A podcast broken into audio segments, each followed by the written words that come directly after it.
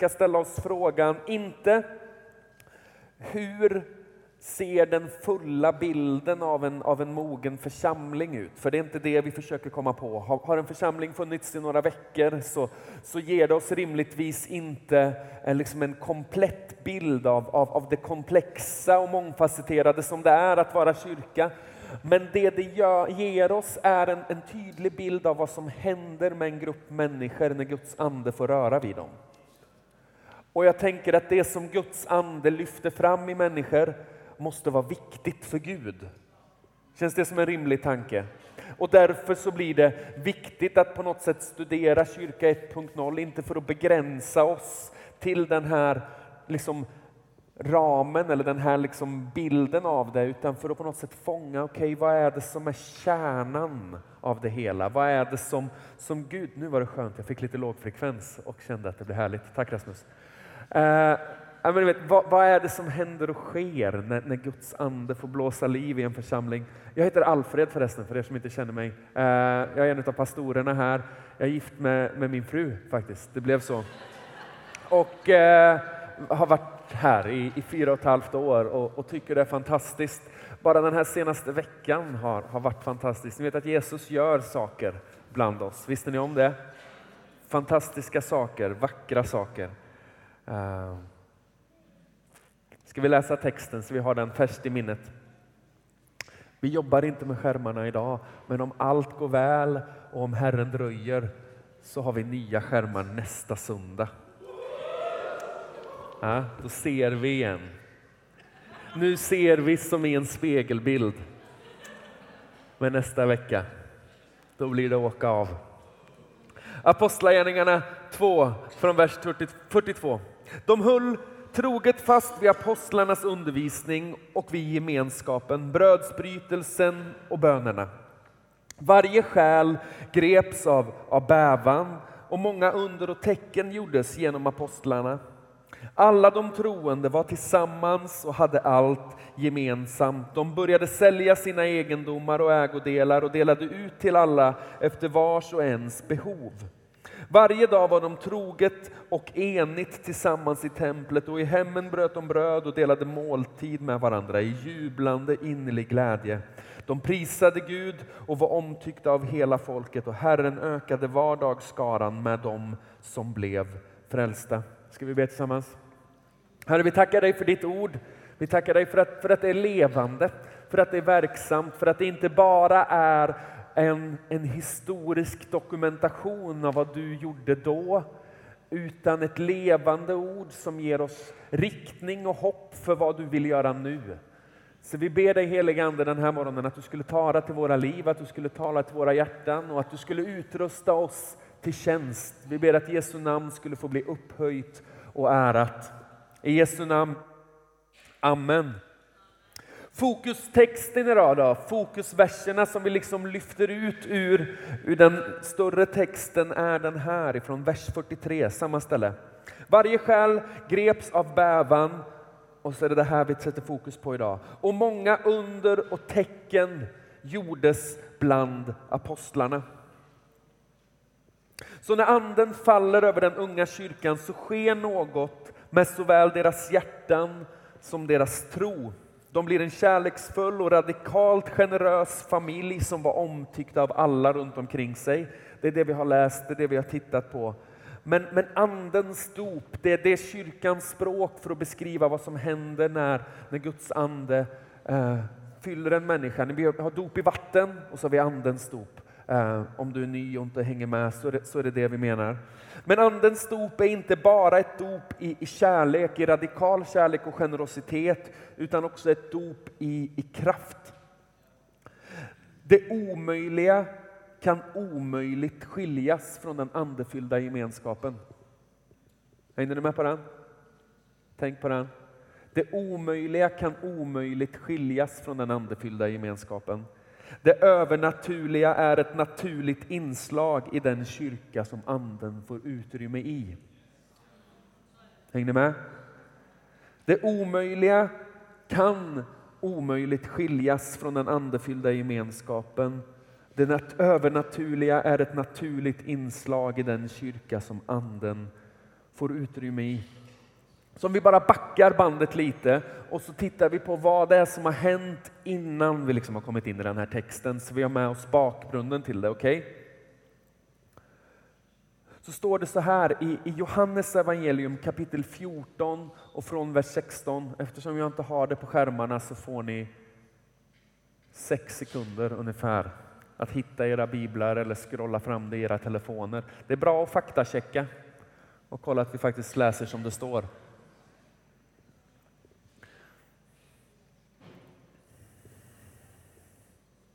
Det är Jesus som talar här och så säger han så här. Johannes 14, 16. Och jag ska be Fadern och han ska ge er en annan hjälpare som ska vara hos er för alltid. Sanningens ande. Världen kan inte ta emot honom, för världen ser honom inte och känner honom inte. Ni känner honom, för han förblir hos er och ska vara i er tydligen, jag, jag, kan inte, inte grekiska, jag kan inte hebreiska. Kalle, en av våra ALT-elever som pluggar till, till pastor och som gör sin praktik här, han sitter och, och pluggar grekiska idag, jag, eller den här veckan, har gjort det de senaste veckorna, hade någon stor tenta. Jag har försökt att liksom stötta honom och, och tryckt in det jag kan, och sagt liksom Kreta och Rhodos och sådär. Men, men det har liksom inte, det kom inte på tentan, sa han. Men, men som, som jag förstår det och som jag har googlat mig till då, va? för det är så vi gör om vi inte kan någonting, så betyder ordet en annan. Det, det är ett grekiskt ord som, som heter allos eh, och som betyder en av samma sort. Eh, om det här pianot går sönder liksom, och vi ska ersätta det med ett annat piano, så kan vi antingen välja eh, att köpa ett helt nytt märke och en helt ny modell, fortfarande ett piano, men, men det är liksom ett annat piano. Eller så kan vi välja att, att liksom säga vi måste ha tagit Roland RD 700 GX.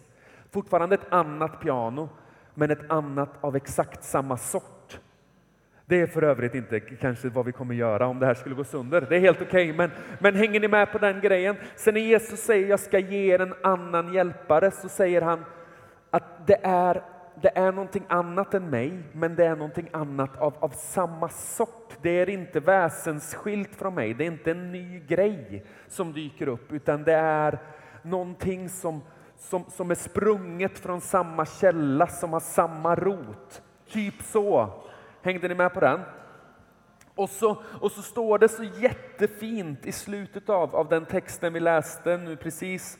Eh, ni känner honom, för han förblir hos er och ska vara i er.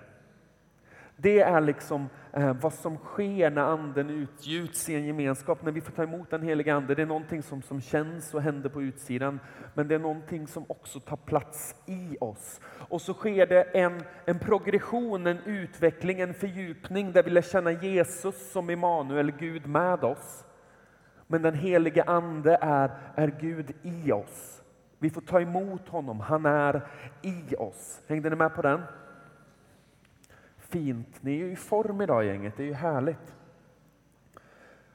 Så det som, det som sker på pingstdagen, det är uppfyllandet av, av det luftet som Jesus ger till lärjungarna. Och på grund av det som sker, så sker den här liksom radikala gemenskapen som vi har läst om och som vi har tuggat oss igenom i, i Kyrka 1.0-serien. Så här beskrivs det ögonblicket i Apostlagärningarna 1 och 8 när anden utgjuts. Det står så här. Men när den heliga ande kommer över er ska ni få kraft och bli mina vittnen i Jerusalem, i hela Judeen och Samarien och ända till jordens yttersta gräns.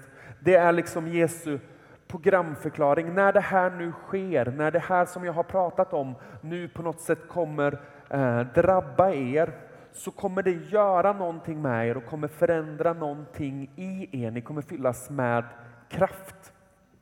Och så säger han, kraften är för att ni ska bli mina vittnen i Jerusalem, i hela Judeen, Samarien och ända till jordens yttersta gräns. Och då tänker jag så här att när anden kommer över oss så sker det med en agenda och en riktning. Och riktningen är utåt. Anden blåser liv i kyrkans apostoliska identitet om man vill vara lite snofsig. Och så blir vi sända att utvidga. Så någonting har skett med den här lilla gemenskapen, någonting radikalt har skiftat. De var rädda, de var liksom skrämda och så fylls de av Guds ande och helt plötsligt så är de en, en varm kärleksfull gemenskap som lever i en, i en radikal generositet mot varandra och mot andra. Och så börjar Gud verka igenom dem. Under och tecken blir en del av, av deras nya vardag och deras nya identitet. Spännande, eller hur? Men kraft att bli vittnen är inte bara inom citationstecken mod att berätta. Ibland så hamnar vi lite där i hjärnan och tänker att ni ska få bli kraft och bli mina vittnen. Så tänker vi, ja men det är rimligt, det är skitläskigt att prata om min tro. Så jag behöver verkligen kraft att våga göra det. Och det är sant och det behöver vi. Men, men kraft att bli mina vittnen tänker jag är någonting mer. Kraft att bli vittnen är möjligheten för hela Guds folk att utföra hela Jesu befallning. Så någonstans så säger han, ni ska få en annan hjälpare, en hjälpare av samma sort. Och när han tar sin boning i er så kommer det börja påverka sättet ni lever på och de gärningar som ni utför. Är ni med mig så långt? Vi kan bara läsa vad det är Jesus faktiskt eh, befaller sina lärjungar och det kan väldigt enkelt liksom eh, summeras i två stycken texter. Den första är från Matteus 10 och verserna 7 till 8. Sex sekunder. Är ni framme? Nej. Är ni framme? Där ni går fram ska ni predika Himmelriket är nära. Himmelriket är nära, Guds rike är nära. Allt som Gud står för, allt som Fadern på något sätt representerar och allt som Jesus kommer för att visa på är nära. Och så fortsätter det och så säger han bota sjuka, uppväck döda, gör spetälska rena och driv, och driv ut onda andar. Det ni har fått som gåva ska ni ge som gåva. Det är ena liksom halvan av det. Den andra halvan av det hittar vi i Matteus 28, så vi får hoppa fram 18 kapitel, samma bok. Ifrån vers 18 så står det så här, då trädde Jesus fram och talade till dem och sa, åt mig har getts all makt i himlen och på jorden. Gå därför ut och gör alla folk till lärjungar. Döp dem i Faderns, Sonens och den helige Andes namn och lär dem att hålla allt som jag har befallt er och se, jag är med er, en annan hjälpare, eller hur? Jag är med er alla dagar till tidens slut. Så det som, det som vi hittar liksom i, i all enkelhet i, i de här texterna är att kyrkan i sitt DNA, när Guds ande får blåsa liv i den, är naturligt övernaturlig. Kallad inte bara att berätta om Jesus, utan att demonstrera Guds rike. Det är fullheten av, av att leva ut evangelium. Tillsammans med den radikala kärleken och den radikala generositeten så är vi kallade att, att på något sätt visa hur han är. För det är det vi sysslar med, eller hur? Vi sysslar inte med att, att samla människor till vårt program. Vi sysslar inte med att försöka fylla en byggnad. Vi, vi har en dröm om att se en stad som är fylld av ett annat rike. Ja, det är bra. Det är bra. Det är roligt att ni också tycker det. Och den, den drömmen rymmer och, och det här liksom med, med, den största respekt på något sätt rymmer mer än att vi bara räcker upp handen och säger Jesus, jag, jag vill följa dig. Det, det, är det vackraste som kan ske och det största undret som kan ske. Men det för också med sig att, att mörker och sjukdom på något sätt trängs undan. Det är en del av vårt uppdrag, det är en del av vad som händer när Guds ande rör vid oss. Och det här är besvärligt. Eller hur? Dels för att vi vet med oss att, att, att, att vi kan inte hela någon. Eller hur? Om man inte är läkare och har tillgång till en bra arsenal med liksom redskap och mediciner, då kan, då kan man liksom hjälpa någon att bli bättre. Men, men jag i mig själv har inte kraft att göra någonting mer liksom, än, än att på sin höjd prata om det. Och det tvingar mig i en position där jag behöver lita på att han är den han påstår att han är. Och det är lite obekvämt för mig. Och kanske för dig också, för jag gillar att ha koll på läget. Och när jag ska be för någon som är sjuk så sätter jag mig i en position där jag inte har koll på läget längre. Jag kan ha koll på mina handlingar och mina ord och mitt bemötande, men jag kan inte garantera någonting och det är obekvämt och läskigt och lika fullt så, så säger Jesus ni ska gå ut och bota sjuka och så tycker man liksom att du kunde nöjt dig med det och så säger han och väcka upp döda och så känner man tack så mycket. Jättefint. Kanonkul. Ja, men du vet, det, det, gör det besvärligt. Och jag tänker att det besvärliga är alldeles lysande. För det lär mig att det inte handlar om mig. Det lär mig att jag inte kan lita på mig själv i den bemärkelsen. Det lär mig att jag måste lära mig ytterst sett bara att vara lydig och lita på honom och tänka att det är han som gör det. Jag gör som han har sagt och vad som händer på andra sidan av att jag gör som han har sagt, det är hans ansvar och, och inte mitt ansvar, eller hur? Så jag lär mig att vara lydig. Det är lite besvärligt för vi, vi vet med oss berättelser om att vi har bett för människor gång på gång på gång och så blev de inte friska.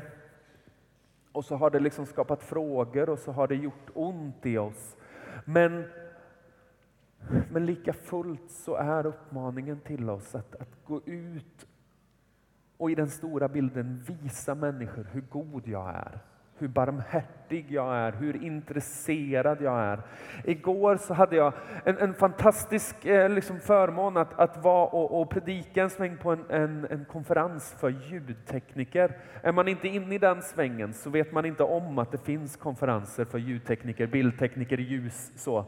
Men, men, men, men det behövs forum för, för de vännerna. Så vi var där ett gäng från kyrkan och så fick jag predika och så hade jag, du vet man har med sig en känsla av att jag har nog ett ord, liksom. jag har någonting jag vill dela och så delade jag det ordet och så kom det fram en, en man i 60-årsåldern till mig efteråt och han grät och så sa han att när jag satte mig i bilen på väg hit så hade jag sagt till Gud att det här är sista gången jag åker. Nu, nu orkar jag inte längre, nu, nu släpper jag det här. Och ni vet hur det där funkar. Jag, det är inte jag släpper dig Gud, det är inte nu överger jag dig. Det är bara det här med att tjäna i din församling eller stå kvar på den här platsen. Jag, jag ger upp det nu. Liksom. Det, det gör för ont, det är för jobbigt. Och så sa han, men, men det du delade, det satte liksom fingret precis på den platsen där det gör ont. Och så fick Gud komma med, med helande in i hans känslomässiga sår och in i hans situation som var.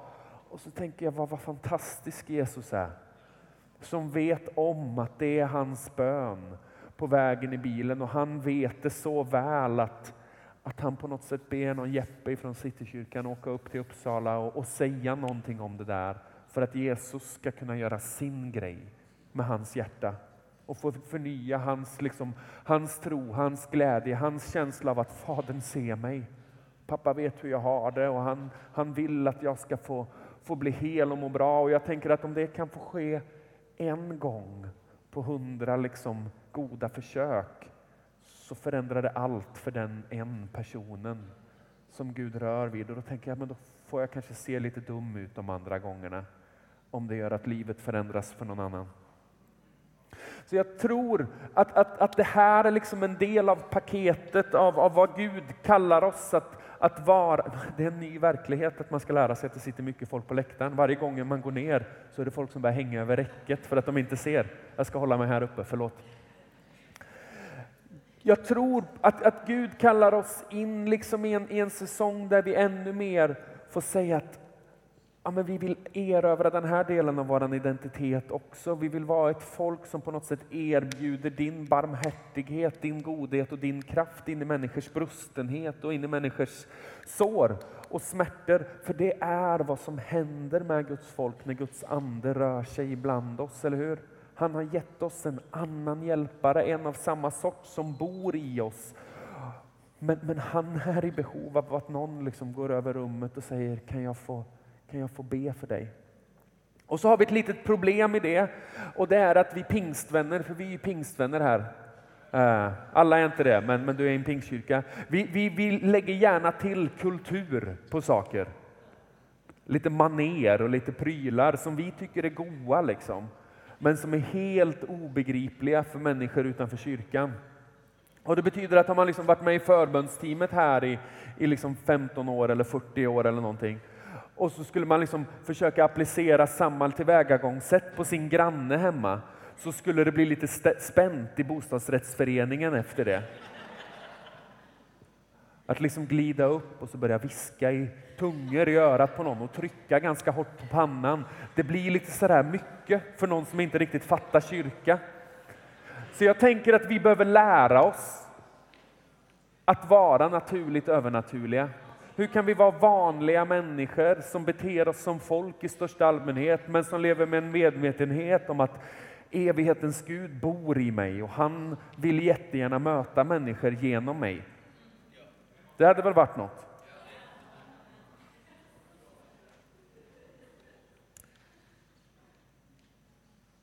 Jag skulle vilja ge dig några små tips innan vi liksom ska börja öva på det här. För jag tänker att vi ska öva på det här och en del känner hur pulsen stiger, hur svetten börjar komma, hur ångesten liksom, liksom trycker upp. Men ingen fara, vi kommer göra det på ett, på ett bra sätt tror jag. Några tips för ett folk som vill börja på något sätt leva ett liv i under och tecken utanför kyrkans väggar. Var normal.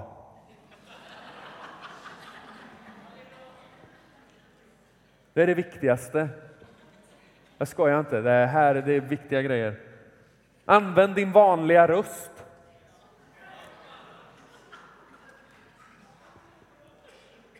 I ditt vanliga tonläge, med vanliga ord.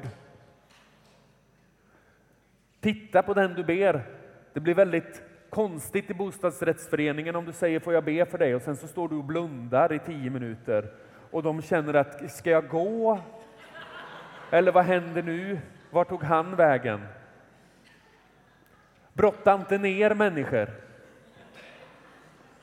Tryck inte ner dem, knuffa inte ner dem, pressa inte ner dem, fäll dem inte. Hjälp inte Gud på traven.